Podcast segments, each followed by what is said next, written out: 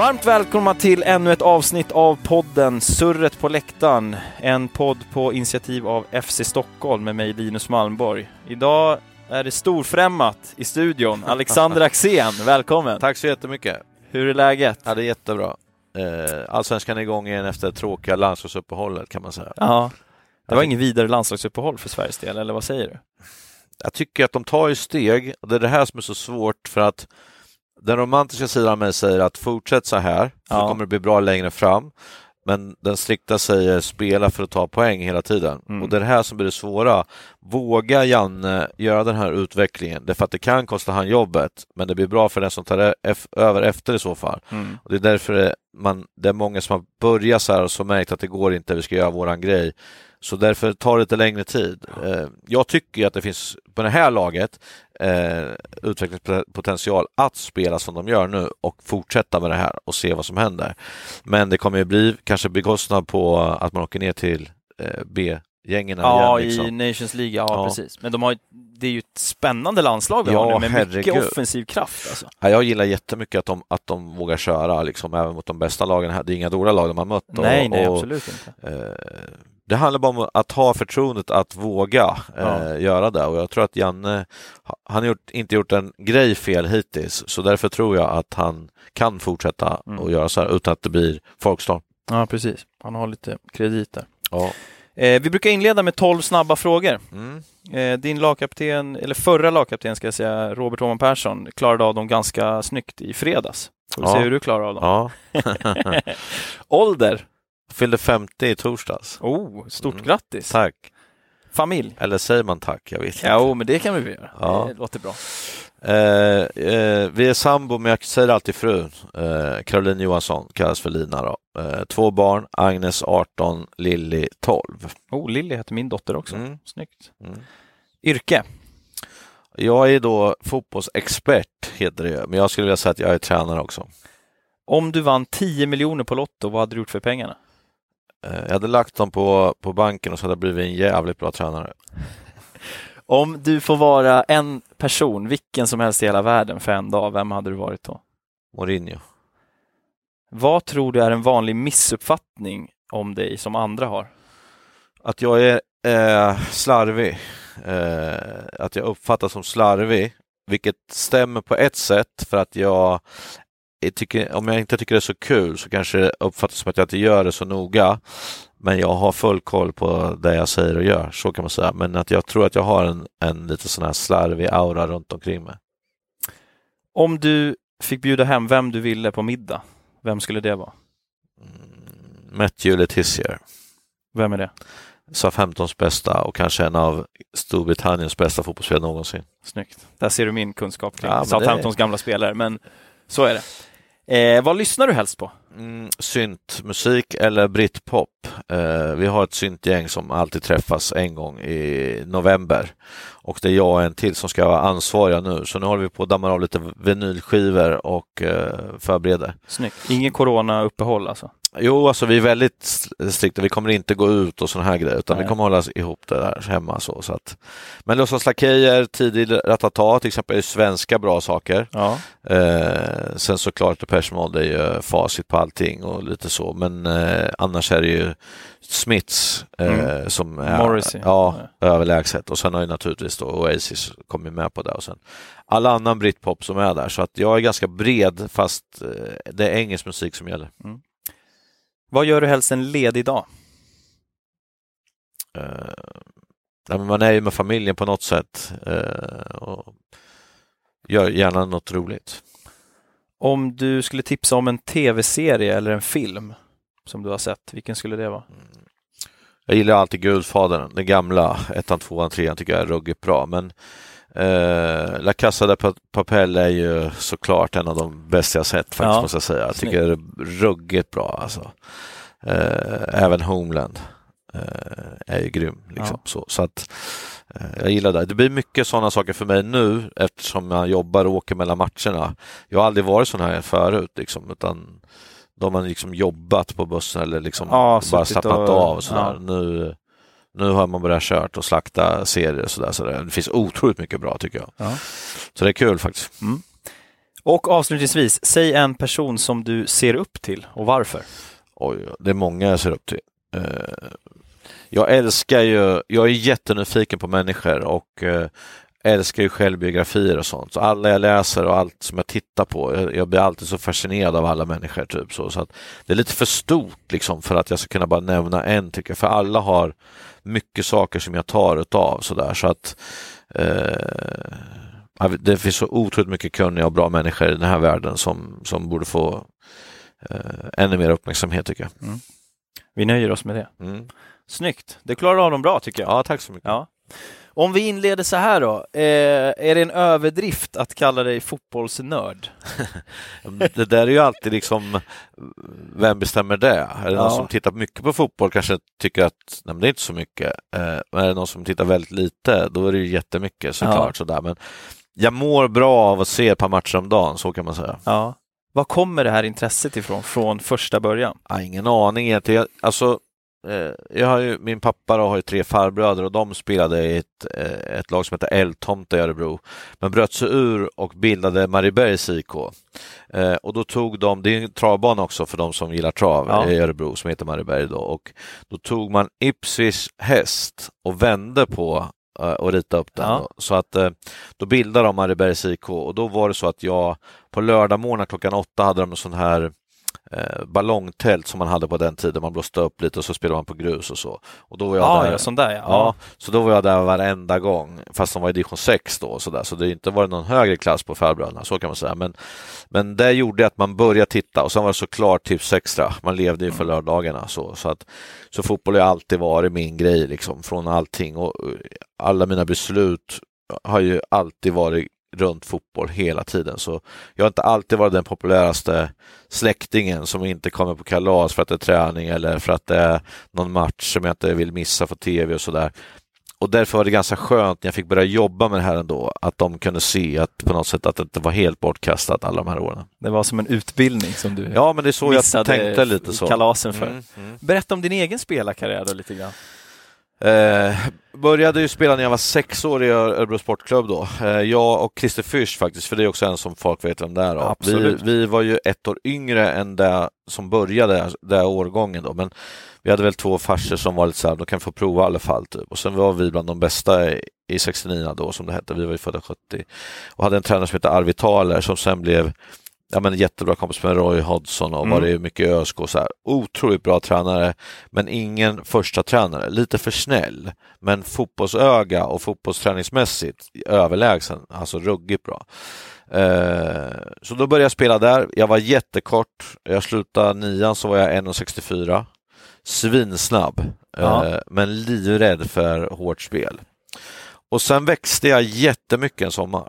Eh, så jag fick inte ordning på någonting. Så de här, jag hade typ jogga förbi nästan baklänges på 60 meter hette det när man tävlade. Ja, ja. Vann ju skol-DM i Örebro och sådär. Jag fick ju stryk av dem där liksom, så jag fick ju helt panik ju. Och blev ju som en lama liksom, långsam och gänglig och sådär. Och fick ju ändra helt eh, spelstil då och blev ju ganska tuff, ful. Eh, spelade in i mitt fält. Bytte du position där också Ja. tänker jag? Ja. Spelade in i mitt fält ett tag. Eh, uh, mittback, libero eller forward, man gick lite emellan. Men sen när det blev på riktigt, om man säger då, att eh, det som är superettan idag, som hette division 2 då, eller division 1, jag kommer inte ihåg. När Benny Lennartsson var tränare så vart jag högerback då. Mm. Och när jag fick den rollen först, då tänkte jag att jag skiter i det här. För att vänsterbacken har ju alltid varit sämst i alla lag, det, är ju sen gammalt. Ja. Och sen blev det högerbacken då. Men när det här nya, att man börjar spela med ytterbacken på ett annat sätt, då var det en jävligt rolig eh, position. Så Ja. jag hade tre jätteroliga år i, i forward då. Men varför... Det som folk fortfarande kallar den moderna ytterbacken. Ja, trots fast att det var är inte jag. Eh, 30 år gammal. Ja, jag, exakt, men jag var inte sån, för jag följde inte på skitofta. nej, nej. Jag är lite för slö för det. Och det var, gjorde att jag kände så här, fan jag är bara en meter ifrån att kunna bli tränare istället. Liksom. Tar jag bara ett steg till höger så är jag klar. Liksom. Så när Benny ville att jag skulle fortsätta ett år och jag var inte sugen på det så tjatade han som fan och då till slut sa jag, om jag får coacha B-laget, I forward då? Ja. Mm. då är, då är jag med. Och då sa han ja till det. eh, vilket jag trodde att han aldrig skulle göra, för då tänkte jag skönt, då slipper jag liksom spela. Eh, och då sa jag att, ja men vänta nu, då är det jag som ska bestämma allting, inte du. Jag ska ta ut lager, jag ska veta hur vi ska coacha och sådär, för jag tänkte att det kommer han ju aldrig gå med på. Och han sa, inga problem.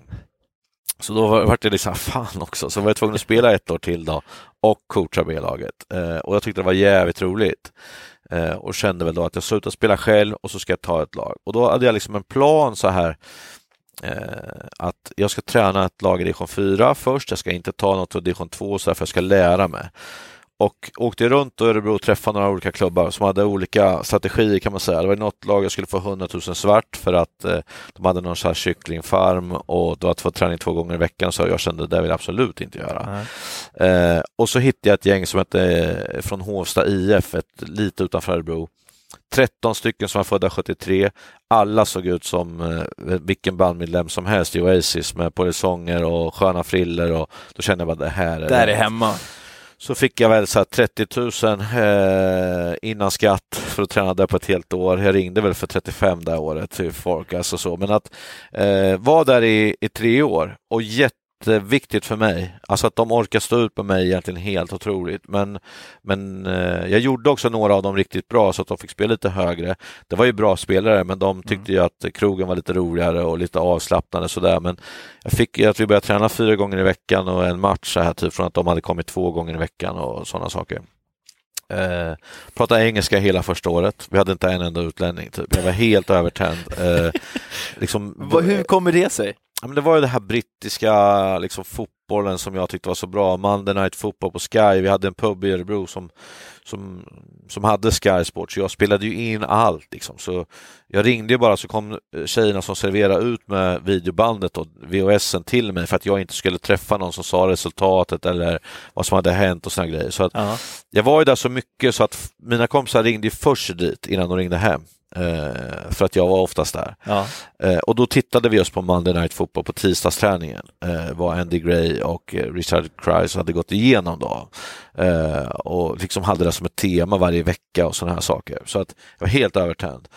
Och jag tycker att en del termer blir bättre i fotboll på engelska.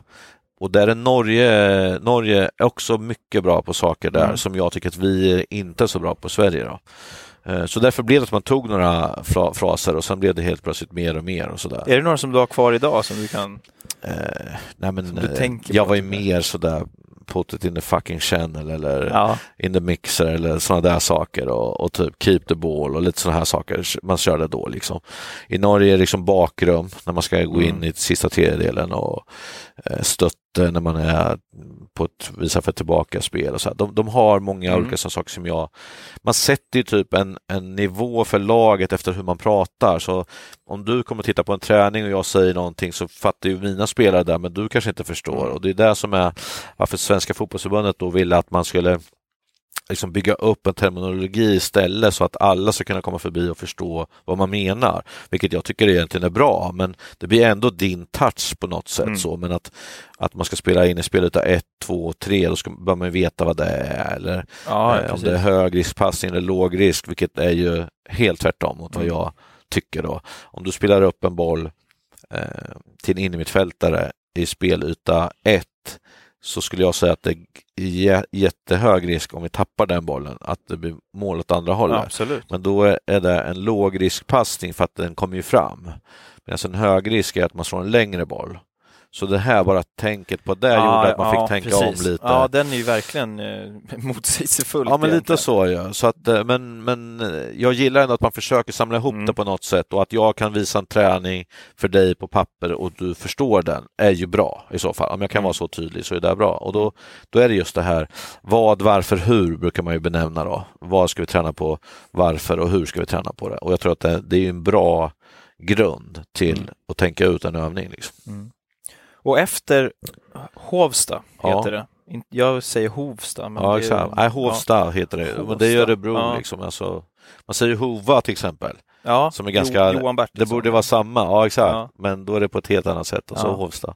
Efter det blir det Rynninge. Mm. Och där är du ganska länge. Sju år. Ja. Eh, så jag skulle säga att jag är ganska lojal där jag, de jobben jag tar. Ja. Eh, när jag kom till Rynninge så var det, vi kanske var, ÖSK var ju såklart de stora kungarna i Örebro, sen var det Ford och Karlslund och så var vi lite så här uppstickarna. Mm. Men så började jag ju skapa en liksom, myt runt oss själva att det, liksom, det är oss det handlar om typ. Och fick hjälp av en ordförande också som vi hade ett, ett sätt att umgås hette det då. Så att vi skaffade eget öl, vi hade de största och godaste hamburgarna på matcherna och vi började vara studdiga utåt för ja. att det skulle skrivas om oss och folk skulle veta vilka vi var. Eh, och hetsade hela tiden mot BK Forward vart det så för att Karsön åkte vi bara förbi utav bara farten. Det var ingen som tänkte på ens att vi tog Nej. dem.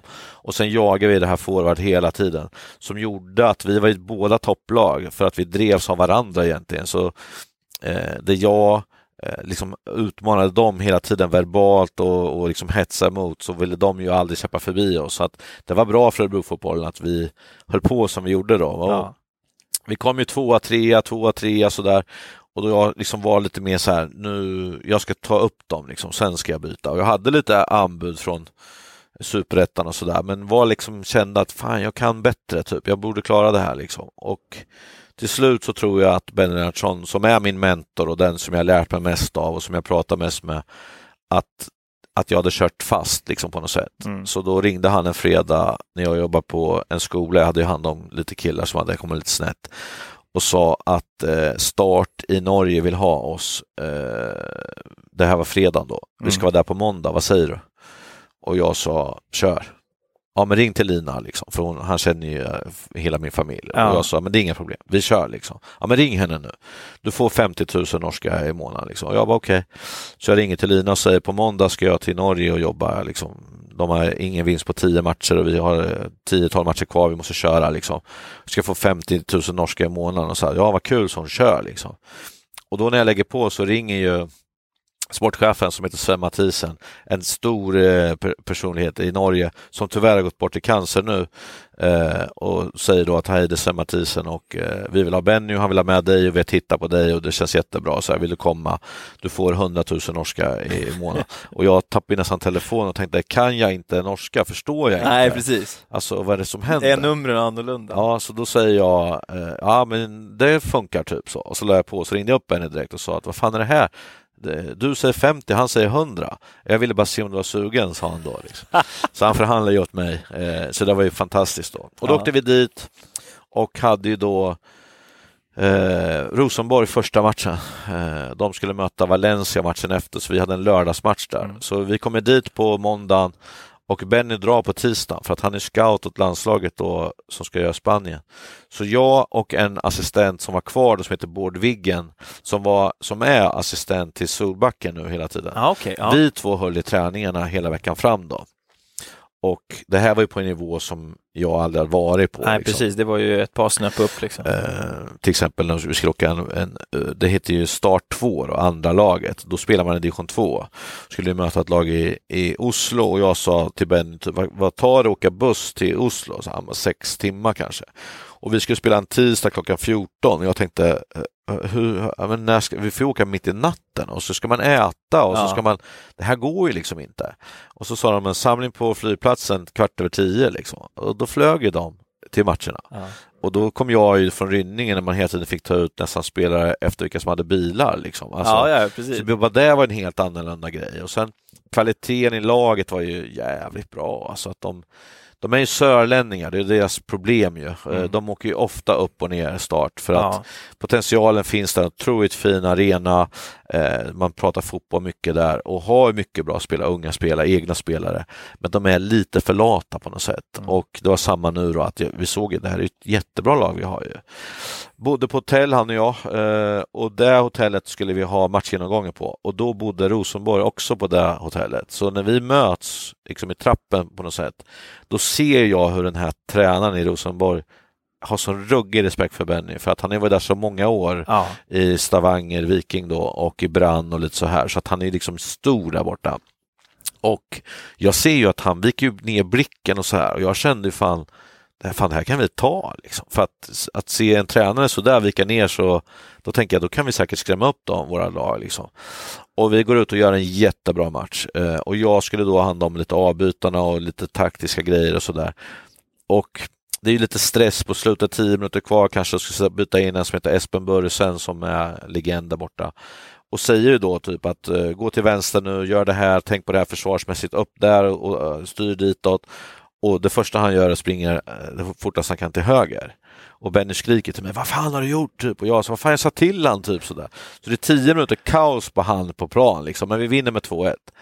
Och tar ju han efter matchen då säger att förstod du någonting vad jag sa?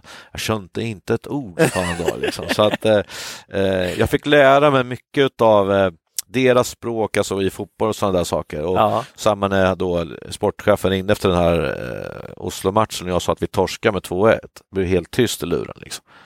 Eh, hur, hur, gick matchen? Typ? Så, ja, vi torskar 2-1. Liksom. Och jag hör ju på han fattar ingenting. Nej. Och så kom jag på, ja vi tappade 2-1. Han bara, åh vad synd, typ ja. sådär. Så liksom man var ju kvar i sina ja, slanggrejer och sånt. Så att, ja. så att, men det var ju tio matcher där som var jätteroliga och det gav mig jättemycket e-, erfarenhet kan man säga och ansvarade för fasta, eh, de som slog fasta. Benny ansvarade för alla fasta, det har ju alltid varit hans stora grej mm. egentligen. Men att jag jobbade med vart de skulle slå och hur de skulle slå dem. Så hade en dansk där, jag kan ju inte danska, vet. jag har ju tränat två danska spelare och jag ångrar mig varje gång jag säger hej till dem, för jag fattar ingenting om de säger. Så att, vi pratade lite engelska och sådana här saker och fick en bra kontakt han och jag. Eh, Martin, Martin Borre hette han. Så att, eh, det var kul, så vi gjorde något mål på någon frispark och då rusade han ut till mig och kramade om mig. Typ, och så. Och det var liksom ett, då vart jag jättenöjd att liksom, jag finns ja, också. Så där. Så att, ja. eh, det, var, det var en härlig tid, men vi förlorade med en poäng då, så vi gjorde att vi åkte ur. Mm. Eh, det var tungt som fan, för det, det gav mycket. Och bara den lilla tiden i Norge har gjort att jag egentligen fått något namn där borta på något sätt, för att jag har egentligen fått ett erbjudande om jobb alla år utom kanske tre, fyra år sedan jag började med det här. Ja. Och varit jättenära att ta eh, ett och annat lag där borta. Eh, så kanske, kanske om jag blir tränare att det blir nog ett norskt lag i så fall. Vi ja. får väl se vad som händer. Man vet aldrig vad som händer, men, men eh, inte alls omöjligt. Jag gillar den norska fotbollen. Alltså de löper på ett annat sätt. Det är mer direkt. Det är mer sån fotboll som jag gillar. Jag tror mm. att jag eh, är närmare det än vad jag är svensk fotboll på det sättet så som det spelas nu. Då. Mm de här tio åren du gör i lägre divisioner, mm. innan du får det här start och egentligen som blir liksom vidare på din elitkarriär, om ja. man säger. Hur tror du de har präglat dig? Har det gjort dig på något sätt ödmjuk inför jobbet eller vad, vad har det gjort med dig? Du har ju inte tagit någon liksom akademiväg eller juniorvägsväg eh, liksom, utan du har ju ja, gnugga. på med, ja. gnuggat på med ja. tio år. Liksom. Alltså när jag började så, så bra tränare har jag ju aldrig varit i hela mitt liv. Då kunde jag allt, eh, visste allt, hur man skulle träna, hur man skulle säga, hur man skulle göra allting. Så jag och Benny typ i början, jag ju att han gjorde fel saker. Då har han varit proffstränare i 35 år i England och Danmark och Norge och landslag. Och sa, ja, men det där är fel, sa jag. Och han bara tittade på mig, du vet. Och sa, ja men gör på ditt sätt du liksom. Och jag fick ju lära mig mycket under den resan. Jag är glad att jag började där, för jag var inte bra eh, första åren.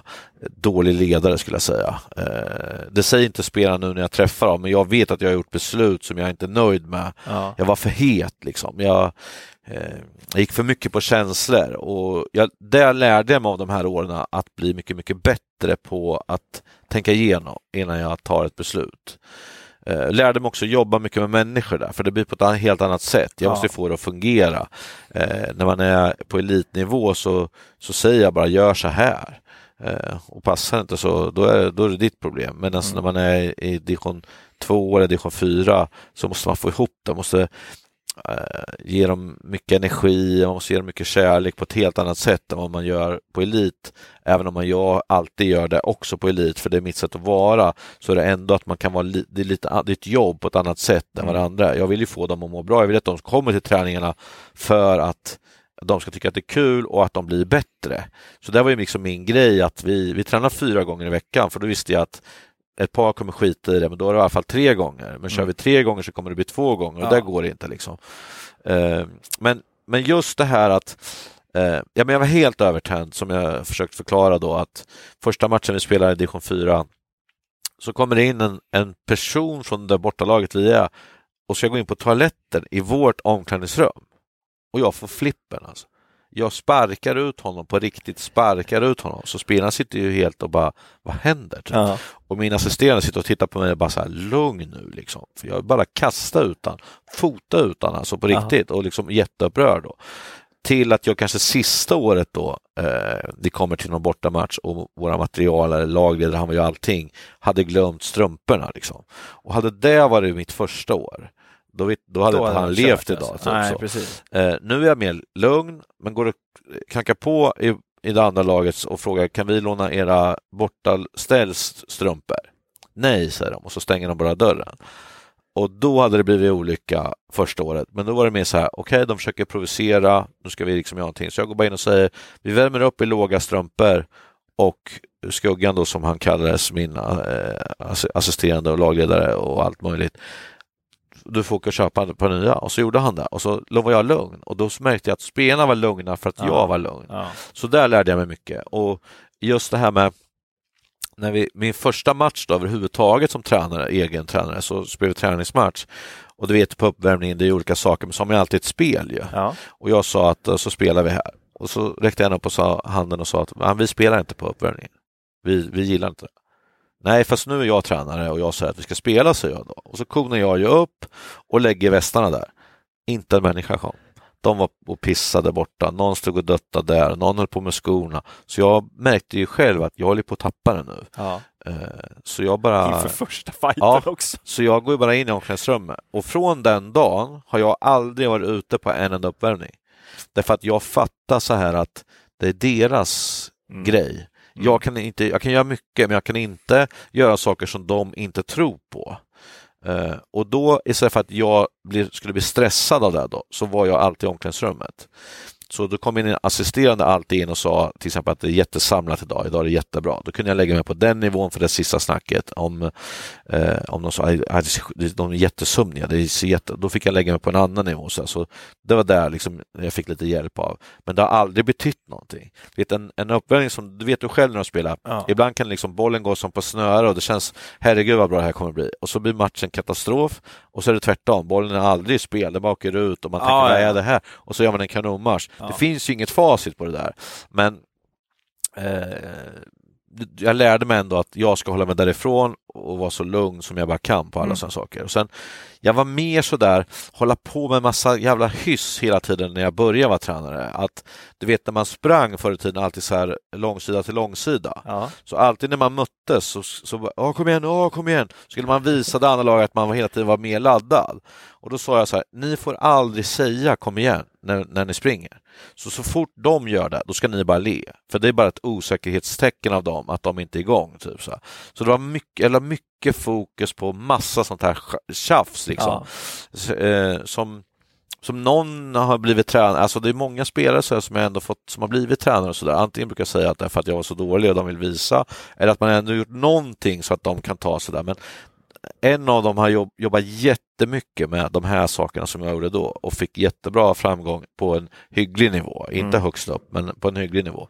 Eh, Medan jag själv känner att jag tappade där när jag kom högre upp. Att, att jag kanske, jag, jag kanske så här efterhand kanske borde ha gjort lite mer här knorrar egentligen. Ja. Samtidigt som jag kan tycka så här att vet, då kan det sitta fem stycken där från andra länder och, och bara tänka vad, vad, vad är det här? Ja, man får tänka lite annorlunda för att om du har som jag hade i Hovsta med 13 stycken som har gått i stort sett samma klass, du kan få en jävla effekt. Vi använde Ja. jättemycket musik. Vet du. Ja. Det var ju liksom, vi spelade borta matchen en, en gång mot de som ledde och de höll på att lyssna på Megapol eller Riks och sådär och det hördes genom väggarna och jag sa liksom, vad är det här? Ska vi, ska vi förlora mot det här laget som, som lyssnar på det här liksom? Och så spände jag ögonen i en som heter Claes Håkansson då som skötte lite musiken och då satte han på Stone Roses I wanna be adored då och så vet den bara smyger igång så här typ.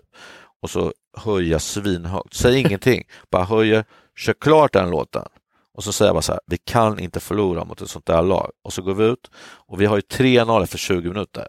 Och deras tränare sa efter, det vart ju 3-2, de var ju svinbra, men Ja. vi, vi vann med 3-2. Så, vad hade du sagt? De var ju helt galna i början.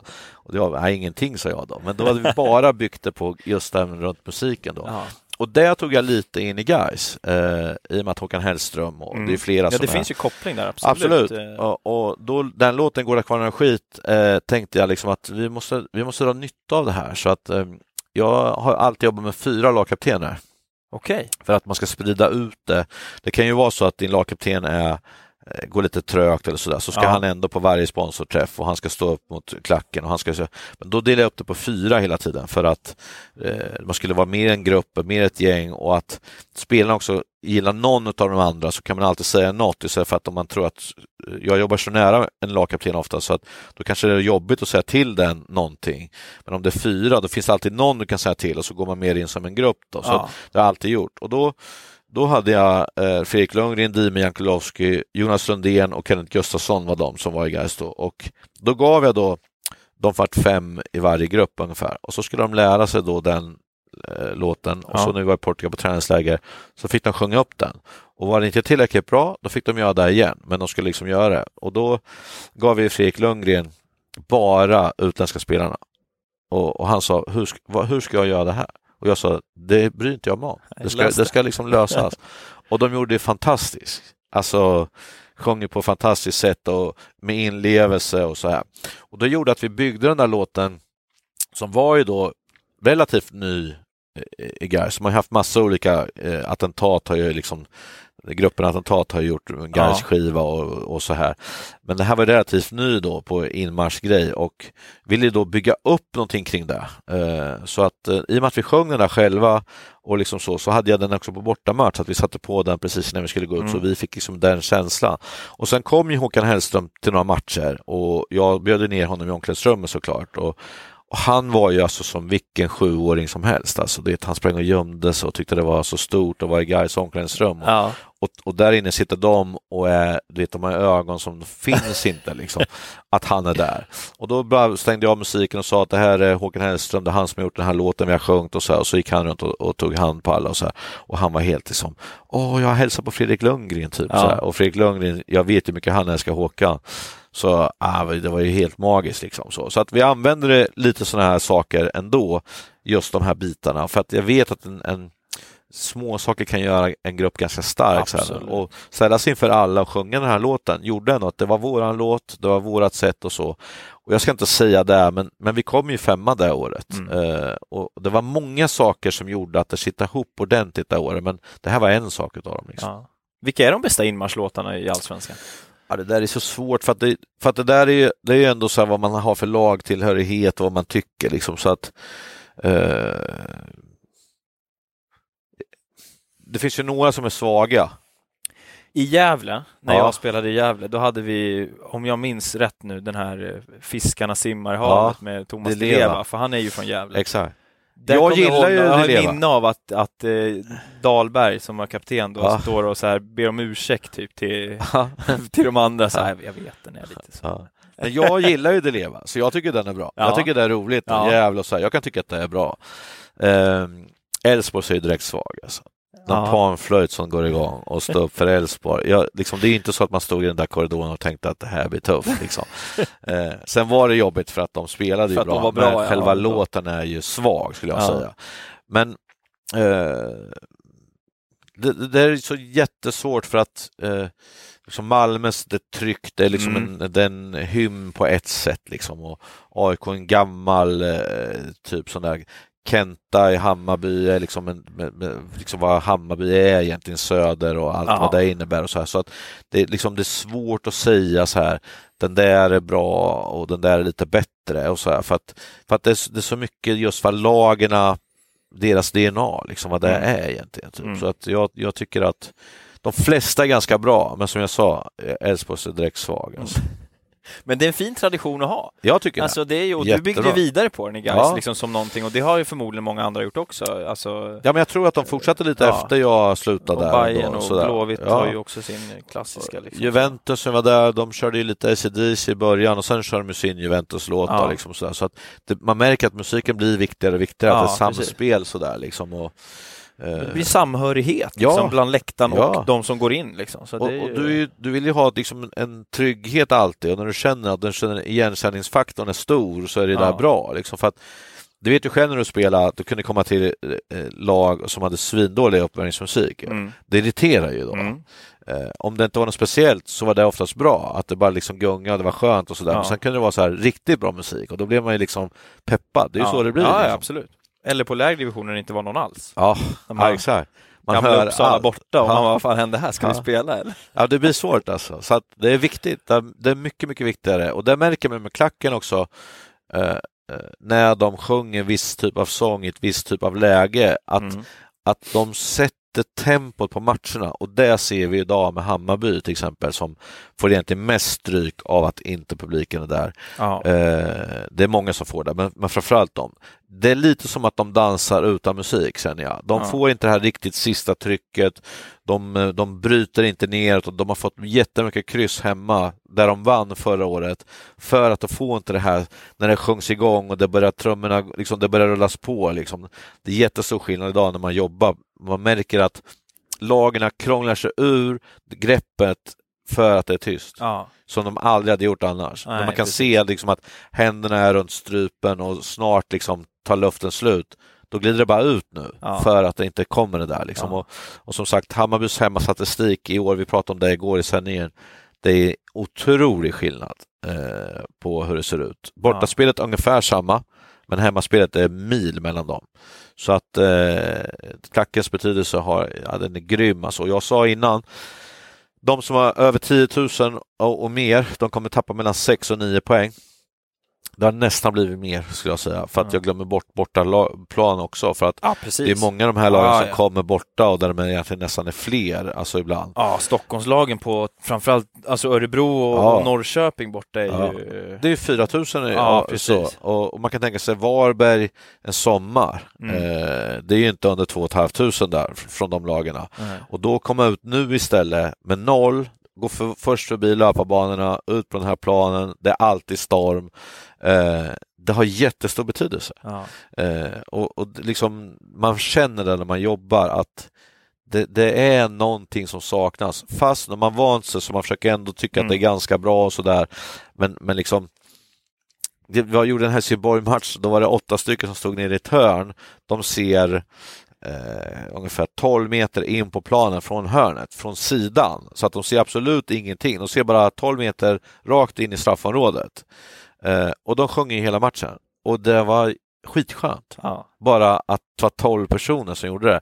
Så jag tycker att man underskattar lite det här att ta in 50 faktiskt. För jag tror ja, att det vad är din uppfattning generellt kring det här med publikfrågan? Liksom? Ja, men, eh, eh, alla, alla skäller på uh, Ullared ju, eftersom Ja, det är så ja. mycket folk där. Och, och det är synd om dem, för de gör ju bara om De någon sa att de inte de får, får göra ja. så, så hade inte de gjort så såklart. Men de får göra så. Men att, att inte kunna ha minst 500 på en utomhusarena är jättekonstigt för mig. Mm. Eh, och, och, och samtidigt som det är jättesvårt att sätta då att ja, men 500 på Friends och 500 på Varberg säger vi, är ju jättestor skillnad också. Ja. Så det borde finnas någon form av procent på det där. Ja. Och att man såklart säger att inga borta supportrar. Det får man ju acceptera nu, att vi ska inte hålla på och ja, med resor och sånt. Ja. Ja. Så det får man ta liksom. Men, men det är klart att vi procentuellt skulle kunna gå på, på arenorna mycket mer än vad man gör. Det tycker jag i alla fall. Eh, och, och vår fotboll är inte mest känd för, för det speltekniska utan det är supporterkulturen. Så att det, vi, det saknas jättemycket, det, det är faktiskt så. Mm. Sen är det bekvämt för mig att jobba. Jag kan gå hur jag vill nu. Jag kan gå upp på läktarna, jag sätter mig var jag vill, jag har eh, min, min skärm vart jag vill. Jag kan göra massor med saker som inte kommer gå sen. Men jag saknar det jättemycket. Ja, det är en stor Ett, del. ett, ett Stockholmsderby nu, det är som vilken match som helst helt Ja. plötsligt. Det är så det är. Ja. Nej, det, det, det är faktiskt en helt annan, en helt annan verklighet. Ja. En helt annan... Eh, alltså det krävs ju mer av spelarna också, Ja. tänker jag. jag. Jag tycker det kan vara kul att titta på så här, om vi tar AIK som har gått ett, ett dåligt år, men om du tar många av de spelarna i den truppen så har ju de aldrig spelat för under 25 000 Nej. någon gång och Nej. det är ju en motivationsgrej. Såklart. Liksom. Och, Eh. och, och liksom man kan tycka så här, men de är professionella, de ska klara av det. här. Fast alltså det går inte att förklara. Det är som ett rockband som har utsålt varje vecka och så plötsligt står det fem personer där. Det är svårt att vara lika bra. Alltså. Ja, Eh, det är klart att de kommer försöka, men det blir ju inte som när det bara gungar runt. Liksom. Och, och, och, det finns ju då, som du sa, spelare som har en inre drivkraft som, som klarar av det och så finns det de som absolut inte klarar av det. Mm. Eh, då är det för kallt och det, bollarna kommer inte och man löper inte. Och, alltså det märks ju. Och det var därför jag sa lite så här att vissa lag är lite som humlor, att de egentligen inte är så bra utan publiken. Det har vi sett nu. Mm. Du ser tabellen idag, även om du inte kan eh, du kan egentligen inte dra någon slutsats alls av den här eh, ligan därför att det är så speciellt. Så du kan liksom inte, så här är det nog, det vet vi inte. Nej. Men man kan ändå se att det är mycket, mycket jämnare än vad man trodde innan. För Mm. att man hade pratat åren innan här nu att nu har allsvenskan börjat dela upp sig. Åtta topplagen och sen de resten är sådär och bottenlagen är kass. Nu är det mycket, mycket jämnare därför att det inte har den här publikgrejen. Nej. Och vi, hade ju, vi har ju eh, Eriksson hos oss, domar, eh, gamla Mm. storstjärnan där. Och han säger ju att från 60-40 till hemmastraffar så har det blivit 50-50. Eh, mer eh, gula kort för bortalaget än hemmalaget. Eh, alltså det blir mer gula kort för hemmalaget menar jag än, än för Ja, bortalaget precis, ibland ja. som det aldrig varit. Och att också att man hör när spelarna skriker, de märker att de får mer frisparkar för det nu än vad de gör när det är publik, därför Ja. att då rullar de ju istället. Medan ja. nu skriker de och får. Så att eh, det är jättestor skillnad och det märker man ju också på domarna att de tar ibland domslut på vad de hör nu som de aldrig gjort annars. Liksom. Nej. En straff för IFK Göteborg, nej mot Djurgården som får en, ger bort en straff mot Blåvitt för att man hör den tacklingen. Mm. Den hade man inte tagit om det hade varit publik, för då hade man inte hört det. Men nu hörde man det och då var det straff. Och sådär. Mm. Så att det har jättestor betydelse och jag hoppas verkligen att vi snart kan få släppa på på riktigt. Men det kommer inte hända i år tror jag. Nej, det tror jag inte heller. Den blir tuff. Om vi går över till lite mer fotboll med spelet på planen. Mm. Om jag vill fråga dig som en riktig fotbollskunnare, liksom så här, vad är nyckeln? För om jag sticker ut hakan och säger så här att när Roy och Bob kom på 70-talet så strukturerade de upp lite i svensk fotboll med Halmstad och Malmö. Det var lite zonförsvar, det var lite bollar in the channel som du var Ja. inne på. Och VM 2018 så går ju Sverige till kvartsfinal på typ samma spel. Ja, Så taktiskt händer det ju inte så jävla mycket. nej. Va, Vad är nyckeln? vad, gl- vad glad jag blir att du har förstått det. För, Ja, för att det har inte riktigt varit så sista åren i Allsvenskan. Det har varit en romantisk sida där tränarna profilerar sig genom att vara vissa typer. Alltså, eh, jag skiter i det, alla får på sig vad de vill, men det är inga kostymer längre, utan man har finbyxor och en tröja. Och vem har det? Guardiola. ja, Han Ja. har satt otrolig prägel på de här tränarna vi har i Sverige nu. Med periodiseringar och det med eh, mallar hur man ska spela, hur man ska göra principer och det är allt möjligt. Så, så fotboll är väldigt, väldigt trendkänsligt. Och när Bob och de kommer så är det en kamp mellan Bob och Roy mot Laban Arnesson. mm. Där han går på den tyska man-man-spelet. ja och Libro 4-3-3, sweeper, ja. jobba på liksom med de sakerna. Och så, så vinner ju eh, Roy och Bob, vilket gör att alla börjar spela så. Och grejen är ju så att vi spelar ju alltså 4-4-2 positionsförsvar, heter det nu istället för zonförsvar, eh, bättre än vad engelsmännen gör, som, som liksom nästan Som egentligen- gjorde det om man Ja, säger. precis. Så vi har ju liksom alltid haft lätt för England. Det är väldigt, det var det är jätte 36, 37 år innan vi förlorade mot England i, i fotboll. Ja. För att vi gör det till och med bättre än dem på samma taktik om man säger. Eh, så- men, fotboll är väldigt, väldigt enkelt och det är det som gör det så svårt. Därför att du har, eh, vad ska man säga, du har fem delar i fotboll. Det är eh, omställning eller kontring. Jag säger omställning om defensiv eh, omställning då, Mm. och kontring om offensiv därför att jag vill hålla isär dem. Etablerat anfall, etablerat försvar och så har du fasta situationer. Mm. Så ser en fotbollsmatch ut. Du kan gå tillbaks 200 år, det är så här det ser ut. Och det kommer se ut så här tills man hittar på nya regler. Mm. Det är så här fotboll är. Eh, och i det här då så ska du behärska de här sakerna så, så bra som möjligt, det säger sig självt. Ibland kan du ha fyra saker som du är bättre än din motståndare, men du är sämre på den femte och då kan det kosta en match. Så liksom, tråkigt är det ibland att det blir så. Och det som är då som jag brukar säga till tränare som jag är lite mentor för och som jag pratar med, att få med de här delarna varje vecka på träningen. För det är så här en fotbollsmatch ser ut. Sen kommer det bli olika mycket av olika saker, olika matcher, olika sak, eh, liksom perioder. Men ha med de här i träning. Checka av att du har gjort de här sakerna i träning. Eh, och, och, och då för mig är det så här att när jag var tränare så var jag precis som de här var, är nu, så mm. var jag när jag började med. 3-5-2, engelska wingbacks, eh, possession-fotboll, viktigt för mig. Eh, och, och eh, lite sådana saker. Och det handlar mycket om mig. Eh, hur jag skulle visa att jag var en duktig tränare och sådär.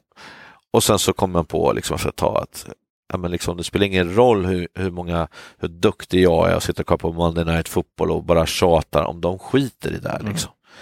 Eh, och, och började mer och mer koncentrera mig på människan, på spelare liksom, och, och, få dem att må bra för att sen gå vidare. Då. Men det, det fotbollsmässiga då är så här för mig att ju enklare mål vi kan göra, desto mer hatar motståndarna att möta oss. Mm. Eh, så för mig har det alltid varit liksom en sorts kontringsfotboll. Jag kallades ju för lilla norsken av de här andra tränarna som har nästan ja. Blivit utrökta nu. För att jag mådde bra av 45-47 procents bollinnehav. Så man kommer ihåg att jag har tränat sådana lag som det har passat ganska bra i också. Mm. Det är jättestor skillnad om du tränar ett, ett topplag, förväntat topplag, kommer det se annorlunda ut. Mm. Och du har ju bättre spelare också och då kan du spela annorlunda. Men du måste utgå från vad du har, som jag säger. För mig är det, kan man se det på två sätt. då. Man kan säga det offensivt, att gå tillbaka lite med laget. För då betyder det att du får större att anfalla på. Mm. Men om du går högt och pressar, vad kommer du som motståndare göra då? Skicka. Du kommer slå en lång boll mm. långt ner som gör att vi får hela tiden börja om långt nerifrån mm. för att börja spela mot ett samlat försvar. Och då känner, har, jag, har det passat mig bättre att låt dem ha bollen där och så går vi tillbaka och sen åker vi därifrån. Mm. Så mina lag har oftast varit som bäst när vi haft 45-47 procents bollinnehav men vi har ställt om blixtsnabbt och, och liksom jobba med mönster på omställningar. Så det är inget bara Nej, det precis. får bli som det blir utan styrning av, av försvarsspelet. Vi ska vinna bollen kanske sju gånger av tio på det här sättet och då gör vi så här och så har vi gjort med liksom mycket sådana saker. Då. Mm. Eh, när vi har bollen, om vi får en 60 procent, då är jag, det, kan, det funkar för mig också. Mm. Men det som är viktigt är att mot etablerat eh, liksom försvar så måste du vara jäkligt bra för att göra mål. Mm. Eh, och då måste du ha nycklar till det. Att hur ska det se ut? Och då har jag liksom jag växte ifrån spelvändningar till exempel jättetidigt. Därför att det är en klassiker du har hört från du var liten. Spelvändningar, spelvändningar, spelvändningar. Ja. Fast jag hävdar att kan vi bli fyra mot tre på en sida, kör där. Ja. Och blir vi duktiga på att vinna tillbaks bollen där, då, då, då, kommer vi verkligen kunna köra där, för det blir vi när vi blir övertag. Så när vi har spelat tillbaka den till mitten, kanske på, från en viss yta som jag då har bestämt med laget, då ska den spelas tillbaka dit igen. Så då blir också den spelaren som är längst ut på andra sidan, då vet han, jag behöver inte hålla någon bredd här, för vi kommer inte vända nu. Mm. Då går han in som forward istället. Och ska en forward komma ut och hjälpa till här, då har vi ändå fyllt upp våra principer och vad vi vill göra. Aha, så. så det där är sådana saker som jag liksom höll på med tidigt och som jag fortfarande tycker är liksom viktigt för mig att, mm. att göra. Eh, och, och det liksom, jag var i kamp, med Råp som var här förra veckan då, ja. eh, var ju jättearg i början på mig för att jag sa inga spelvändningar och sen att inte han och Nordi fick korsa varandra på innermittfältet, för han vill ju springa mycket. Ja. Han är aggressiv och så. Jag sa du spelar till vänster Robban, Nordi du spelar till höger. Och de tycker då att nej men vi är för bra för att bara stå på en sida. Ja. Och jag sa nu kör vi så här. Och sen när han bytt lag eh, från mig då, eh, Belanense, eh, Sirius, Sirius och så här.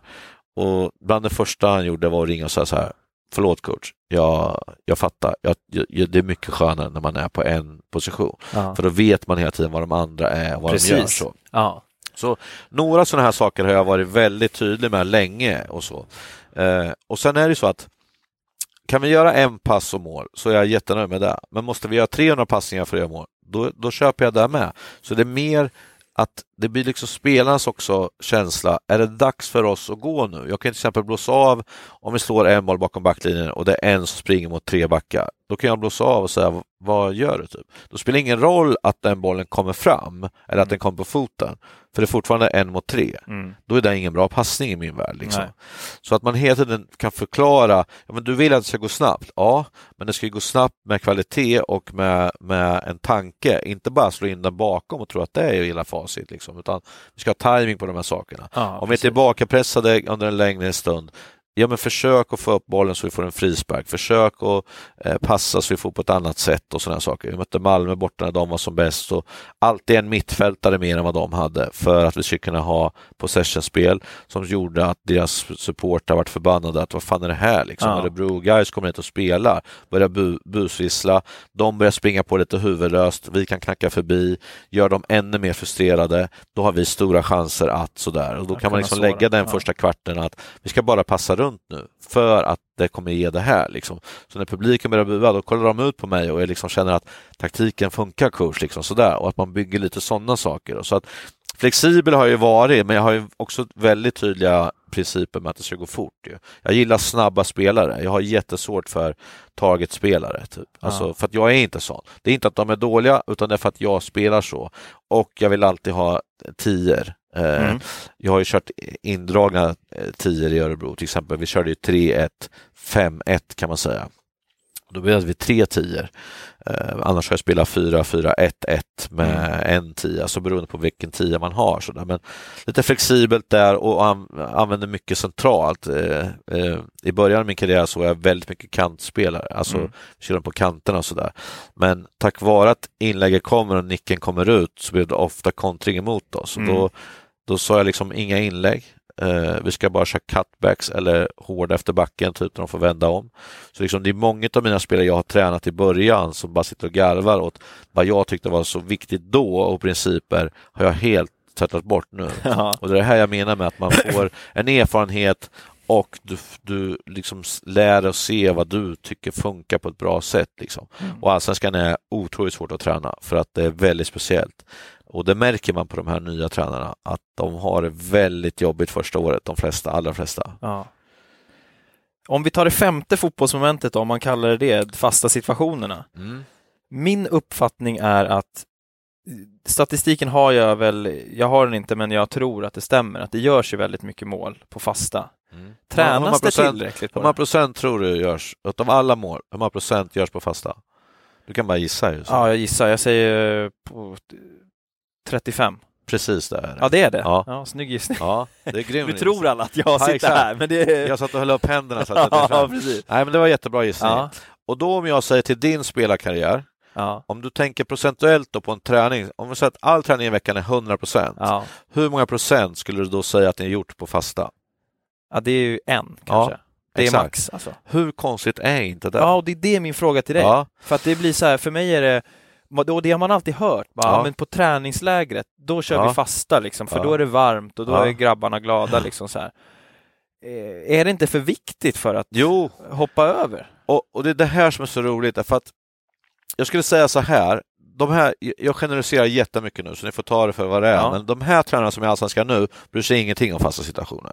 Utan det viktiga är att de har breda mittbackar, spelar upp och på kontroll som det heter när man anfaller, som Ja. jag spyr på. Det är kontroll för motståndarna säger jag. Men eh, det gör liksom att man, man måste veta, som jag sa, vad är en fotbollsmatch? Om man nu vet att 35 procent av målen görs på fasta, varför lägger man inte mer? Och då ska jag berätta vad jag tror då. Det är att man vill inte avslöja startelvan för tidigt. Okej. Vilket gör ju då att du tränar egentligen dagen innan match bara. Ja. Och de som inte kommer med då, de är hur sura som helst och bara går omkring som idioter och tycker det är jättetråkigt. Och sådär. ja, och de ska ju markera typ. Ja, och så blir och det- det tycker de är jättetråkigt. Ja. Så det jag gjorde då var att jag la väldigt mycket tid, i och med att jag har haft Benny som lärare liksom hela tiden och så, och han har jobbat med fasta hela sitt liv, så började jag jättetidigt i Hovsta och Rynninge med att berätta hur viktigt det var med fasta. Eh, och la in det väldigt mycket i träning. Till exempel när man spelar så är det lätt att du vet, man ska bara springa och hämta bollen hela tiden. Sådana saker. Jag märkte att vi var så väldigt dåliga på inkast, så vi, man kastar alltid inkast Ja. i våra spel för att vi skulle bli bättre på det. Och det blir man ju. Man blir alltid Ja, bättre ja, på det man gör. Och som du sa, eh, för, sista veckan eller på träningsläger, då har man ett helt smörgåsbord med det är överhopp dit och det är spel Ah, ja. dit och det är allting. Och första två matcherna, det, det händer ju grejer, de krockar och man kommer knappt ihåg vilken det är. För att sen bara direkt lägga bort det och övergå till en variant egentligen Ja. hela tiden. Upp med handen. Ja, den här varianten, idag kör vi bara på första och nästa match kör vi bara på andra. Ja. Typ så. Så mitt tips är ju då att göra lite varje dag. Eh, Mm. Du kan ju jobba med han som servar, som jag gjorde då i, i, i Norge, som en grej. Att du Mm. kan liksom slå den här hastigheten i den här ytan på det här sättet. Att han verkligen gör det eh, mer än bara en gång. Typ Mm. så. Nu har man ju samma boll också i Allsvenskan. Ja. Förr var ju det jättejobbigt. ja, så är det ju. Alltså det kunde ju gå hur som helst ju. Ja. Sen Gais Eh. pumaboll som ni hade var ju som ett klot. Trelleborgs med, med Ja. Sita som var liksom full tank, en kexchoklad fick man den där bollen. Typ. Eh, du har kanske två eller tre som du vill ska nicka. Eh, hur kan du lägga in dem utan motståndare från början? Mm. Och sen tredje dagen, då kan du lägga in, ni måste spärra för här ska Linus komma på bakre stolpen och då gör ni så här. Och fjärde dagen kör man med full insats. Typ så. Mm. Problemet är att när man kör med full insats så kan det alltid bli att du skallar ihop med någon eller sånt Mm. här som gör att man blir lite skraj. Men man kan göra det på ett halvt som halvt sätt i alla fall. Eh, det går att göra, det är bara hur liksom, viktigt man tycker det är. Ja. Och då säger jag igen som du sa att om, om ska man träna 35 procent då på, av din 100-procentiga träning, ska du träna 35 procent på fasta? Egentligen ska det där, Mm. om man ser till hur målen går till. Mm. Men du vet ju själv hur spelarna ska tycka att det är och sådär. ja, nej precis. Men då får du till exempel Stoke som var ett år, liksom som alla bara sa, de kastar bara långa inkast och de Ja. kan bara emot på fasta. Jättejobbigt att möta. Ja. Det är fem skithus som de tog upp som var liksom 1,90 allihopa. Ja. Kasta bollen från 50 meter från mål, kastar de inkast. Det- blir jättetungt att Ja. möta. Ja. Men, men publiken tycker att det tar lite för lång tid, det blir tråkigt och sådana här saker, vilket gör att eh, så länge fotbollen ser ut som den gör idag så kommer det bli så. Men om den blir effektiv, att man till exempel kör två gånger 30 med Ja. fast tid, Ja. då kommer det här bli då blir det jättestor skillnad för då Ja. kommer folk träna på det här på ett helt annat sätt. Ja. Så tror jag. Ja. Men det är liksom på något sätt fult att göra mål idag. Erik Edman och jag som alltid har bråkat sen vi hade våran podd och allting. Han spyr när lag är mål på inkast. Han tycker det är skitdåligt. Och jag säger, men mål som mål. ja, det handlar ju om att göra mål, Ja. ja. Precis, det är ju det.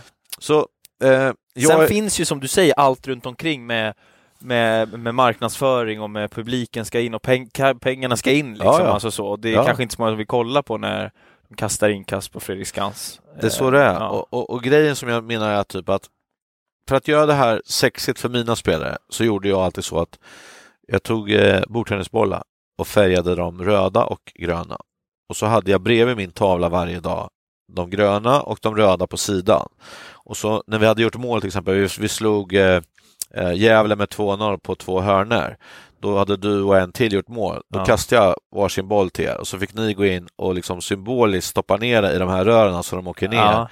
och så fick ni gå och sätta er och alla kanske klappa och så här. Och då kunde man se gröna staplar mot den röda, hur ser vi ut, Ja, Eh, okej. hur ligger vi? Och när det är där varje dag ändå så blir mina lag ändå medvetna om att fasta situationer är viktigt. Ja. Sen har vi varit sämre än vad jag hade hoppats många av mina lag, men det var ändå, jag har hela tiden pratat om hur viktigt det är. Då. Och då hade jag en enkel sån här grej att gör man dubbelt så många framåt som man släpper in, då är du topp fyra lag. Mm. Och det har stämt alla jävla år utom två. Häcken för några år sedan och så var det något lag till som blev femma. Ja. Men annars har den stämt hela tiden. Ja. Och mina spelare då som jag har lämnat, liksom, som har lämnat mig och gått till andra lag och så här, de brukar ringa mig ibland och säga att men eh, hur var det nu? För att vi ligger ju åtta och vi har, fast hur många har ni gjort, hur många har ni släppt in och så håller vi på. Men jag har ändå fått dem att förstå hur viktigt det är. Ja. Eh, och det är ju liksom, som jag sa, om du bara gör två framåt på en säsong men släpper bara in ett, då kan jag lova att du är topplagen. Ja. Så sjukt är det. Ja. För att fasta situationer är så pass viktigt. Ja, precis. 35 procent. Det man ska komma ihåg också då att varje gång jag åkte runt till föreläsningar eller om jag eh, träffar sponsorer. Så den första frågan är alltid varför byter du så sent? Det är ju en klassiker. Ja. Och varför slår ni så dåliga hörnor? Och då när jag sa att det görs mål på var 35 hörna i snitt i världen, då får ju de en helt annan syn på vad det är. Ja. Även om man inte tror på mig så är det så att var 35 hörna är snittet för, för mål. Ja. Då behöver vi ha ganska många hörnor en match för att för att det ska bli mål. Ja, precis. Eh, och börjar man räkna på det där, om man är ganska bra på hörnor, som vi pratade förr i tiden Kalmar och vi kanske pratade till och med Gävle som var rätt Ja, så bra precis. på det, så, här, så låg de kanske på 27, 28, 26, Mm. vilket är jättebra då. då. Eh, och, och då börjar man prata om det är tungt att möta Kalmar och Gävle, de är bra Mm. på fasta och så att det blir jobbigt. Mm. Så då när hörnan också kommer så blir det så här, du går in med lite mer så här, oh, det här är jobbigt, de är bra på det här. Och ni märker det, så Ja. ni känner ju, nu ska vi ha mål, vi, är bra på Ja, det här. absolut. Så, så har man den känslan så är det en jättefördel ju. Ja. Liksom. Men jag tycker att man ser på de lite större lagen nu att de också börjar förstått att fasta är jävligt viktigt. Så Mm. eh, Liverpool och eh, till och med City är vi, det är viktigare för dem nu än vad det var förut. Ja. Och det är det här jag vill att, att tränare då och spelare med ska förstå hur viktigt det är med fasta situationer. Ja. Därför att det är en så stor del Ja, av målen. det. Så ja, är det liksom. Ja. Eh, Precis som vi vet att vad görs målen i, i fotboll? Jo, de görs om du tar fem meter rakt upp i straffområdet så görs 85 procent av alla mål där. Ja, Ja, men då innebär ju det att vi ska vara där så mycket som ja möjligt. precis. och då är det egentligen skitsamma hur det ser ut, allt det där Hur runt kommer- omkring. ja, det ska bara in där ju. Ja. Och då är det så att tyskarna är ju extremt bra och hittar väl på egentligen den här assistzonen som har kommit Ja, till ju, precis. inne Ja. i korridoren och där. Men framförallt assistzonen i straffområdet. Och då är det så att om man gör avslut på ett tillslag från den första zonen som jag sa, då, gör, då är, man, är man bra så gör man mål på var fjärde sånt skott ungefär. Tyskarna ett tag eh, hade ju då passning från assistzonen, för det är stor betydelse om du passar därifrån eller från ett, som ett inlägg. ja. Eh, Din kontroll på att avsluta på ett ju. Ja, De var uppe i 91 procent när de var som bäst på det. Brutala ja alltså på de passningarna. otroligt. Ja. Och, och det var då de var absolut som bäst och jag tyckte att Klopp var, ju- eller eh, vad heter han, Jörgen, Jörgen vad heter han? Eh, Löv, va? Ja, exakt. Joakim Löv ja, heter han. Ja. Fantastisk fotboll och liksom flög fram. Och sen började han hålla på med possession. Ja. Så de har ju tappat allting det här. Och så står de med två tröga mittbackar och blir sönderkontrade och så börjar han vackla, hur ska jag göra? Istället för att varför fortsatte inte han på det han gjorde? För det var, det var facit på fotboll, tycker jag. Just då, så som jag ja, precis. Eh, så att, eh, och, och det är där jag menar också, om du tänker då på hur många gånger du, nu har du varit back, men när du tänker när ni skulle göra avslutsträningar, hur många gånger sköt ni i straffområdet då? Ja, ja, det vet jag inte. Nej. De flesta grejer är att du spelar upp till mig och jag väggar utanför straffområdet så Ja. ska du skjuta. Ja, ja, precis. De Men- där är ja, klassiska. Ja, men, det om jag, men om jag berättar för dig att här inne gör vi mål, varför ska vi träna utanför då? ja, precis. Nej, det är ju logiskt. Ja. så när jag började köra avslut med Crespo Camara till exempel, som jag såg, det här är en diamant, men helvete vad dåliga avslut han har. Så fick, han, bör, han fick ju börja med att stå tre meter från mål och jag rullar bakifrån och han skulle stoppa den i trekanten i hörnet Ja. på målet. Och så Han tyckte att jag förnedrade honom. Och jag sa, när du har satt tio tre gånger i rad, då backar vi. Och så satte han ju sju, liksom nonchalant, sköt i stolpen. Så ja, började vi om. Så började han gråta, på riktigt gråta, Ja. för att han tyckte att jag hånade honom så mycket. Och så fick jag honom förstå att bredsida är viktigt och hur vi skulle avsluta och sådär. Och då rullade jag ju in bollen mot straffpunkten och så rusade han fram och sköt. Så Oskar Jansson som står i Örsgård nu var ju tokig på mig och tycker liksom att vad fan är det här liksom? Ja. har ju ingen Det är chans. omöjligt. liksom. Liksom. Ja. Ja. Och då sa jag så här, det här är inte för dig Oskar, det här är för han. Men om du tar en boll så har du räddat förmodligen matchen åt oss. Ja. Så du har ju inga krav egentligen förutom att du ska liksom lära det här. Och när vi höll på med det där så blev ju, han var ju en jätte, jättebra avslutare men Oskar blev ju också en jättemycket bättre målvakt Mm. för att han lärde sig läsa sen hur skjuter de. Så jag kommer ihåg det här året vi var i Superettan 2013 när han, Ja. vad heter han, skyttekungen i Superettan genom alla år? Cederqvist? Per Cederqvist, Ja. ja. Han har ju då en minut kvar när vi spelar mot dem borta, tror jag var Värnamo. Då skjuter han från eh, åtta meter ja. eh, och Oskar ligger och bara styr ut den där. Ja. Och då springer han till mig efter matchen och säger så här, nu fattar jag typ. Och då hade det tagit ett halvår innan han förstod ja. att han hade också nytta av det till slut. Liksom. Eh, men att vi pratar om saker, men vi tränar inte. Nej. Det är vårt stora Den problem. är viktig, ja, precis. Det var den jag ville åt lite. Skitbra svar tycker jag. Eh, hur går tankarna för dig då kring en, eh, att återuppta tränarkarriären? Jättesvårt att säga för att eh, eh, jag trivs jättebra på det här jobbet. Jag är inte tillräckligt bra för att jag ska känna att jag har tröttnat eller Nej. att jag är centrian. För jag vill utvecklas och jag vill bli bättre hela tiden. Nu har vi bytt företag, nu är jag på Dplay. Det är lite annat, för så mycket samma men ändå lite annat. Och då, då känner jag att jag vill, jag vill liksom se hur bra kan jag bli. Men det är ju ett år till efter det här och sen går kontraktet ut. Mm. Och där någonstans måste man nog bestämma. Ska jag bli tränare, då måste jag nog börja jobba då. Annars är jag nog passé. Mm. Så att eh, vi får väl se vad som händer efter nästa år. Då. Känner du att du kan ha utvecklat dig i tränaryrket även fast du har varit ifrån det nu? Tittar du på fotboll på ett annat sätt eller eh, kan Nej. du lära dig någonting? Jag, jag är nog på samma sätt, men jag är mycket tydligare i och med att man har så här 22 sekunder berätta om den här matchen. Ja, Så tror jag att jag jobbade även efter åtta minuters intervaller i fotbollen när jag var tränare. ja. Jag visste att pratar jag längre, det är inte en jävel som bryr sig. Ut, liksom. ja, så jag kommer kanske vara nere på fyra minuter nu. Men jag kommer få lika mycket sagt på Ja. åtta, därför att jag blivit bättre på att få till det så som jag vill Ja. säga det. Eh, Samma effekt. Det jag Ja. sli- slipper då menar jag också att någon pratar med mig i örat medan Ja. jag pratar, för det, det kan vara ruggigt stressande. ja så det ibland, ibland så eh, man, man känner att jag fick inte till det så som jag ville, men, men ungefär ändå. Ja.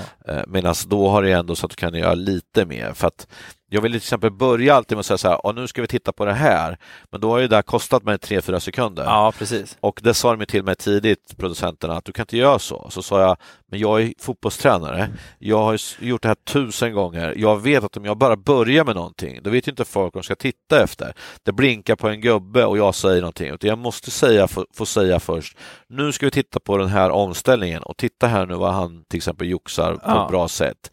Och då kan du börja titta på, ja just det, nu ska jag kolla på joxning. Men det där fick jag tjata till med av producenterna de extra tiden då, därför att Ja. det är på min tid annars som det ryker. Ja.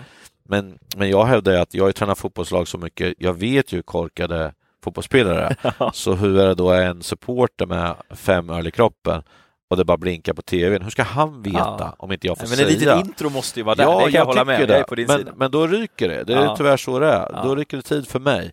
Och som i sin tur blir för någon annan, till exempel programledaren och sådär. Så att, men, men på svar på din fråga är att jag tror att jag är bättre. Mm. Eh, det är ju allmänt känt att du har sympatier för eh, AIK.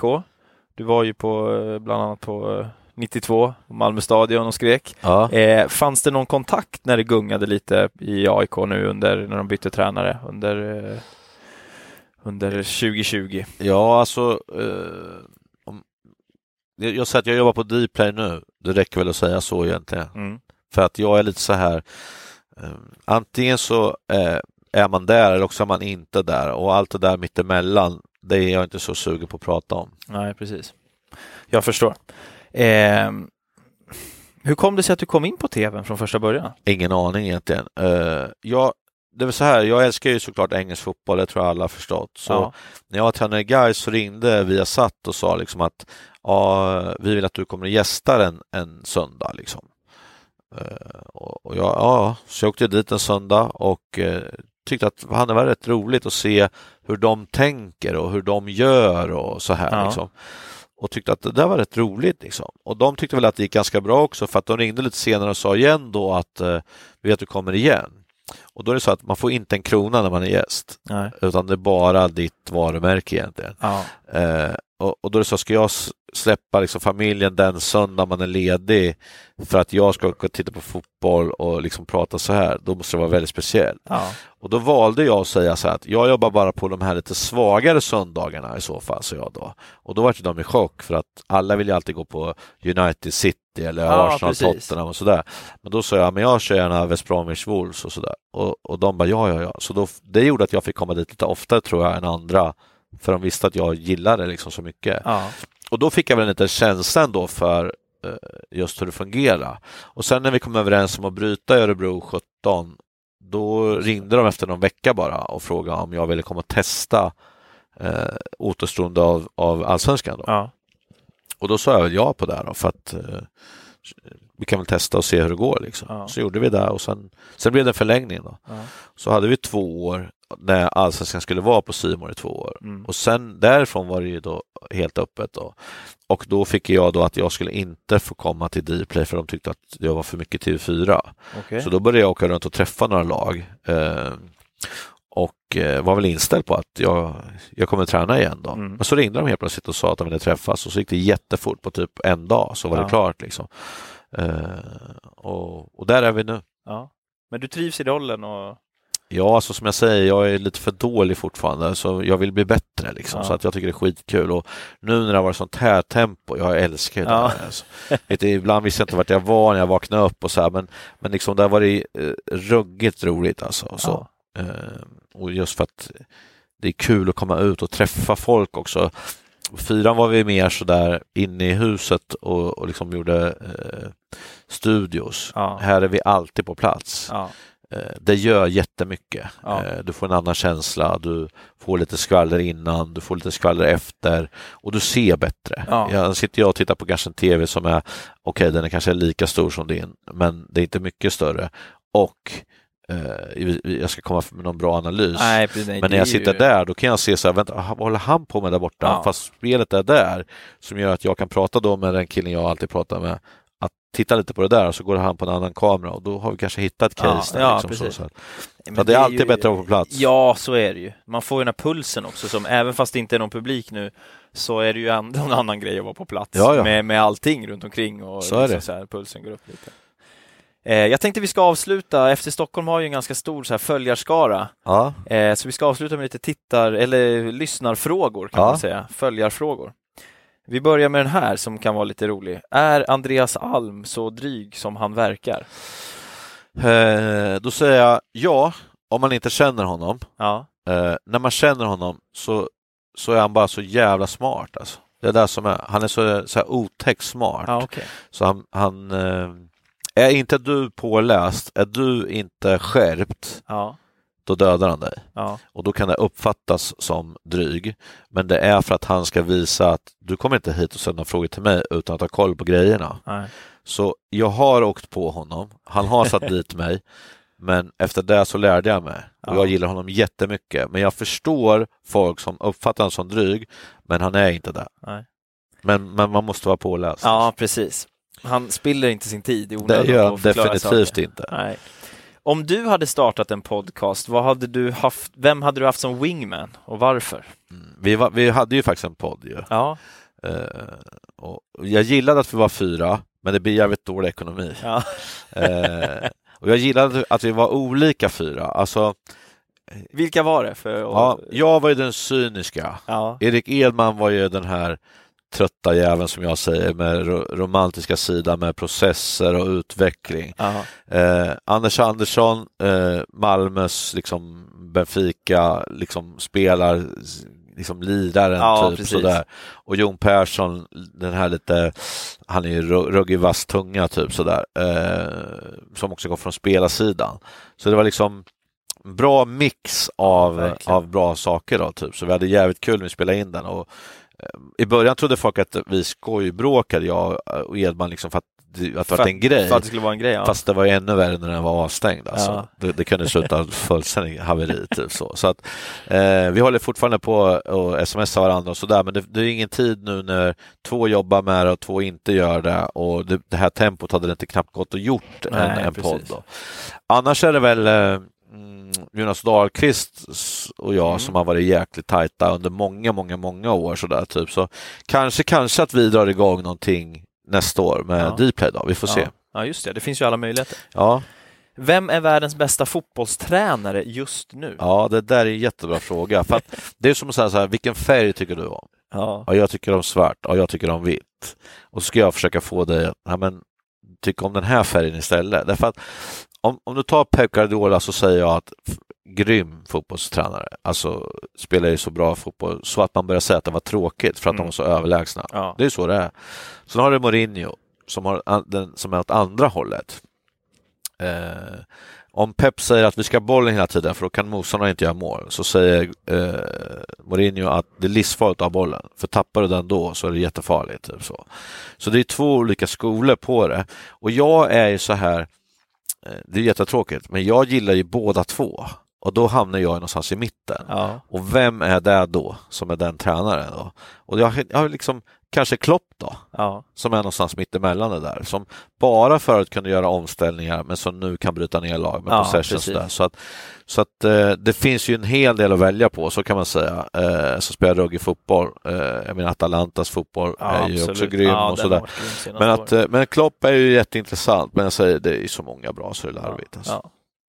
Vad tycker du om VAR egentligen? Jag, jag får ju mycket skit för att jag gillar det, men det är för att Ja. jag har ju tränat lag där folk säger det jämnar ut sig. Nej, det jämnar inte ut sig. Därför att om jag har tränat ett lag som är i nedre hälften av tabellen så kommer inte jag vara så många gånger i straffområdet att det kommer jämna ut sig. Nej. Det är lätt att säga för topplagen att det jämnar ut sig, för det kommer det göra. De kommer få och, och tappa för att de är där mycket. Jag kanske är där fyra gånger per match. Hur ska det då kunna jämna ut sig? Mm. Eh, och jag tror ju på En den bra vinkel på det. Ja, och jag tror på det här rättvisan då att Eh, det var förra året, jag kommer ihåg, för vi var i, eh, eh i Milano med SEF och då spelade Juventus borta mot, jag kommer inte ihåg, Siena eller någonting. Och Siena i 87 nickar in en boll där en Juventus-back tar den med handen på mållinjen. Och eh, det är såklart, men man går och tar VAR. Och så ser man hur domaren ser det. På första reprisen ser man att det där är ju straff. Liksom. Men han står och tänker, då kommer Juventus förlora. Hur gör vi nu? Mm. Kan jag hitta någon knuff? Kan jag hitta någon? Så han håller på i två minuter och letar och letar och letar. Från en repris hade räckt och sagt straff. Ja. Men till slut så måste han ta straffen och så förlorar Juventus på 2-1. Hade inte hänt utan VAR, säger jag då. Nej. Och Det är sådana här saker jag menar för den rättvisa skull. Sen kan man säga så här, det blir inte alltid rätt ändå. Och det blir det inte.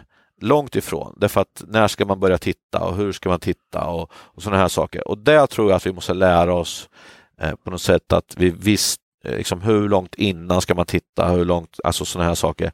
Eh, men om, om vi bara får finjustera det här Mm. så kommer det bli bra, tror jag. Eh, för allt handlar ju om teknologin på hur snabbt ska det gå. Kan man lita på att du bara ropar i mitt öra, det är straff och så kan jag blåsa straff Mm. för jag, du och jag är så samspelta och du är så klar på att det är straff. Eh, istället för att jag ska springa ut och titta och Det är ju tveksamheter det jag och upplever, sådana att det saker. blir hackigt nu. Ja. Att det liksom förstör upplevelsen. Jo, fast det är liksom. bättre än att det blir fel i min fråga. Ja, ja, det är ju det som är... eh, För, för ja. de som skriker mest emot VAR, jag hävdar att det är fortfarande de som skriker mest emot domarna annars. Ja. Och det är oftast så att de håller på topplagen.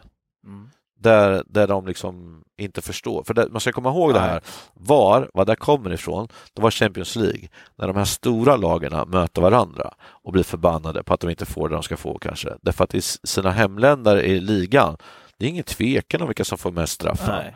Du behöver inte ha statistik på det. Nej, du vet det- att det, det är Barca, Real, Ja. Atletico. Du behöver inte prata om det. Du vet att det är Juventus och Inter, Milan. De här. Du vet Ja. det. Eh, United, City. Men, men nu vart det plötsligt att de fick inte mot varandra och då vart det plötsligt, var ska vi ha typ? Men de här lagen i mitten och, och neråt i italienska ligan, nu har de helt plötsligt en chans Ja. att överleva sådana matcher. Ja. Hur tror du att fotbollen kommer att utvecklas de kommande åren? Vad kommer förändras? Då måste det till regler Det måste ändras. För att annars kommer det se ut som jag sa, de här Mm. fem delarna. Det är bara så det är. Mm. Vi kan hålla på hur mycket som helst, vi kan träna på ett annat sätt, vi kan göra det. Men det är bara för mig eh, yta. Ja, För så det här är ser lite fotbolls- nyanser Ja, hur man vill ja. eh, komma till samma. Eh, man kontrade på fasta ett EM, kommer jag ihåg, eller VM, som slutade med att man var rädda för att slå in bollen, så man gjorde mycket korta och så började man spela istället. Och då var det ju såklart mindre mål på eh, fasta, Ja. men det blev också mindre omställningsmål på det. Och sen kom någon på att nej, men vi gör så här och så börjar man göra mål på fasta igen och så där. Så att det går ju trender i det, men det är fortfarande de här fem sakerna som det ser ut. Så länge de här reglerna finns så kommer det se ut så. Har du någon, något intresse av att bli sportchef? Absolut. Ja. Ja. men alltså, jag, alla tror så mycket om mig, men jag är så ruggig prestigelös. Alltså när jag har varit huvudtränare så har mina assistenter varit otroligt eh, liksom högt upp i det. Fått tag i media, fått tag i sådana saker. Jag bryr mig ingenting om det. Jag tycker att de ska också, det ska märkas att vi är ett gäng och att de har också mycket att säga till om. Så har jag alltid gjort. Eh, och, och då känner jag så här att sportchef Eh, jag, tror att, jag tror att jag har bra blick på spelare, att vi, vad som skulle funka och sådär. Uh, sen är det såklart att någon måste ha hand om ekonomin och det, alltså just det här administrativa, Mm. där är jag inte så stark. Men att ta in vilka spelare man ska ta in och förlänga med och, och sådana här saker, Det tror jag inte många slår mig på fingrarna faktiskt. Nej. Och så avslutar man, eller vi, med den här. Om du fick ta över som tränare för vilket lag som helst i Norden, Mm. vilka hade du valt då? Ja, nu är det så enkelt att säga Bodö Glimt. Har du sett dem? Nej, det har jag inte gjort fan faktiskt. vad bra de är. Alltså det är tecknat bra. Och så skulle man bara ha kvar mallen som är nu och så Ja. vi kör på det här liksom. Nej, de är otäcka. Jaha, Alltså. det har jag helt Nej, missat De måste jag är säga. grymma alltså. Om ni har chans att titta på dem så titta på dem alltså. Ja. Du vet, det är inte 2-0. Det är 6-1 och det är sådana här grejer. De bara kör. Fick stryk sin första match förra veckan, förra helgen. Men eh, de spelar grym fotboll. Alltså, det tycker jag är hur bra som helst. Så just nu ska jag säga Bodø Glimt då. Men annars var det så här. Eh, Vålerenga i Norge, ett litet drömjobb. Det är en sån här sovande eh, gigant egentligen, Ja. där det finns otroligt mycket att göra tror jag. Eh, Finland vet jag inte riktigt. Alltså du vet, ibland kan det bli lite så här, fan det där skulle vara kul, liksom. Ja. men alla sätter så jävla dåligt. Men jag vet inte. Eh, och att det bara är HJK, liksom allt annat är inget Ja. bra, typ sådär. Danmark, Koops och Koops. Ja, du vet. heter Ja. alltså. Coops vann ju förra året. Gamla Rubna Järna, min gamla spelare, var med Ja, han faktiskt. ja. Ja. Eh, sen Danmark då så, eh, jag kan ju inte danskan liksom. Det, det ställer till det lite för mig. Eh, för jag det tycker att det är nästan lite respektlöst att börja prata engelska i Danmark. Ja, sådär. den är lite konstig, Men- även fast det är säkert är bättre att göra. Ja, så känns alltså, det lite ja, det respektlöst att börja med, med engelska. vi, man- vi har ju kört danska med Jonna Thomasson och det har inte varit mitt bästa. För jag tycker Nej. det är jättesvårt att bara hoppa in helt plötsligt och göra frågor och man ska försöka vara konkret. Ja, Jag tycker det är jättejobbigt. En öl och så kan vi sitta och bara snacka. Helt annan sak. Men eh, när han har liksom kört på sin danska, vi fattar ju ingenting. Nej. Så det går liksom inte. Nej. Och då kan jag tycka att lite här, tråkigt, lite dålig respekt, men liksom det är en bra fotboll där också. De spelar bra fotboll. Men man ska Ja. komma ihåg, alla tänker att danskarna, de är så tekniska, de spelar så mycket. Jag, när jag var tränare jag ska sista åren när vi var i Danmark, så mötte, eller i Portugal, mötte vi danska lag. Ålborg, Århus, eh, Midtjylland. Det är mycket fight alltså. Det är Mm. mycket fasta och långboll upp på forwards och så här. Det är inte alls så som vi tror Nej. att det är. Eh, De vill ju säga att de är så tekniska och så bra, men jag säger att vi har gått om det på det sättet då att det är speltekniskt sett. Ja. Men de har ju liksom farten lite mer så här, men att Ja. det är på ett annat sätt där då. Eh, Norge, det är ju rätt så kul för att för två år sedan nu så ringde ju de hade varit här i Sverige och tittat lite, några sportchefer, någon, någon tränare som ringde till mig. Jag vill inte säga vilka det är för det spelar ingen roll. Men då sa de så här, skönt, nu går vi om er. Och så sa jag, vad då går de om oss? Så nu är ni där vi var för fyra år sedan. Fystränaren får bestämma för mycket. Ja. Ni håller på och passar runt bollen bara. Det är inga löpningar. Ni tränar inte hårt. Ni är inne på van Heyen-grejen. Ja. Ni kommer gå bakåt. Vi kommer gå om er nu. Och utan att säga det här liksom, alla träningsmatcher i år, de fick inte, nästan inte stryk av en enda svensk. Nej. Så vi får se upp. Ja. Eh, vi måste hänga med. Man måste börja träna hårdare och mer, Mm. säger jag, än vad vi gör just nu. Ja. Eh, och speciellt på ungdomssidan. Det är mycket prat om eh, periodisering där Ja. och eh, eh, att man ska vara fräsch hela tiden, vilket säger sig självt att man måste vara för att kunna utvecklas. Men det är också frågan, vad betyder matchen eh, för en ungdomsspelare Mm. kontra när man blir elit sen? Är det kanske liksom ett steg på vägen till att bli elit och att då kan det vara fräsch? Mm.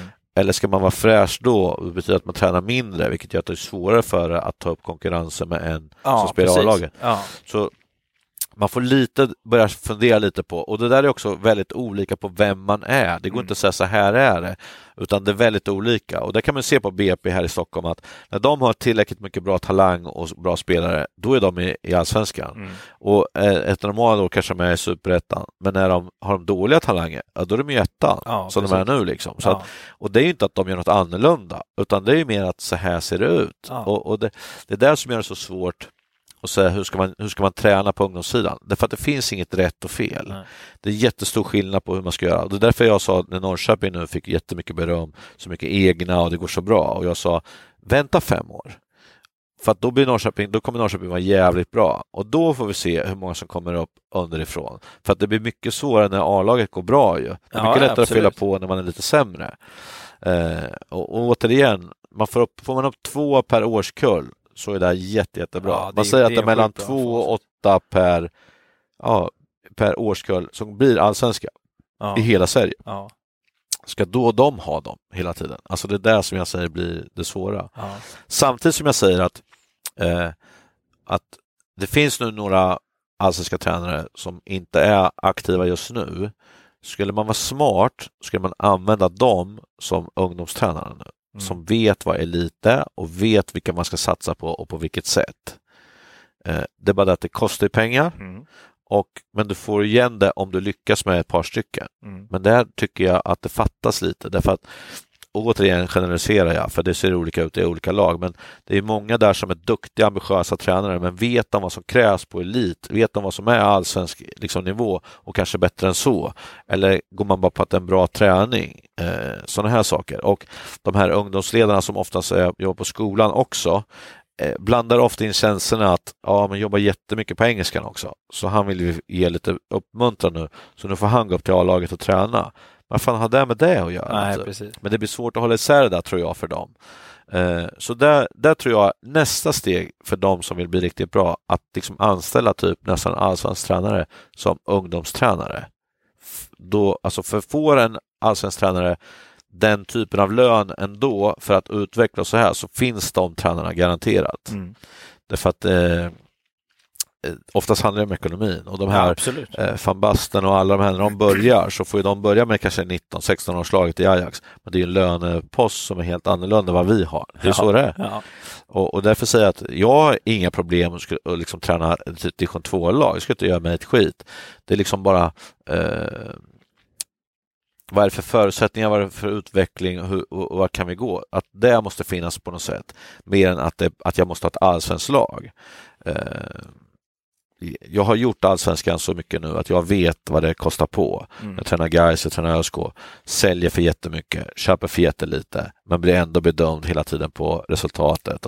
Precis. jag, ska, jag ska sälja, utveckla och sälja och så ska jag samtidigt lyfta på en sten och lyfta upp någon annan och göra den lika bra. Till slut så gick jag liksom lite så här, "Ah, jag orkar inte längre. Typ.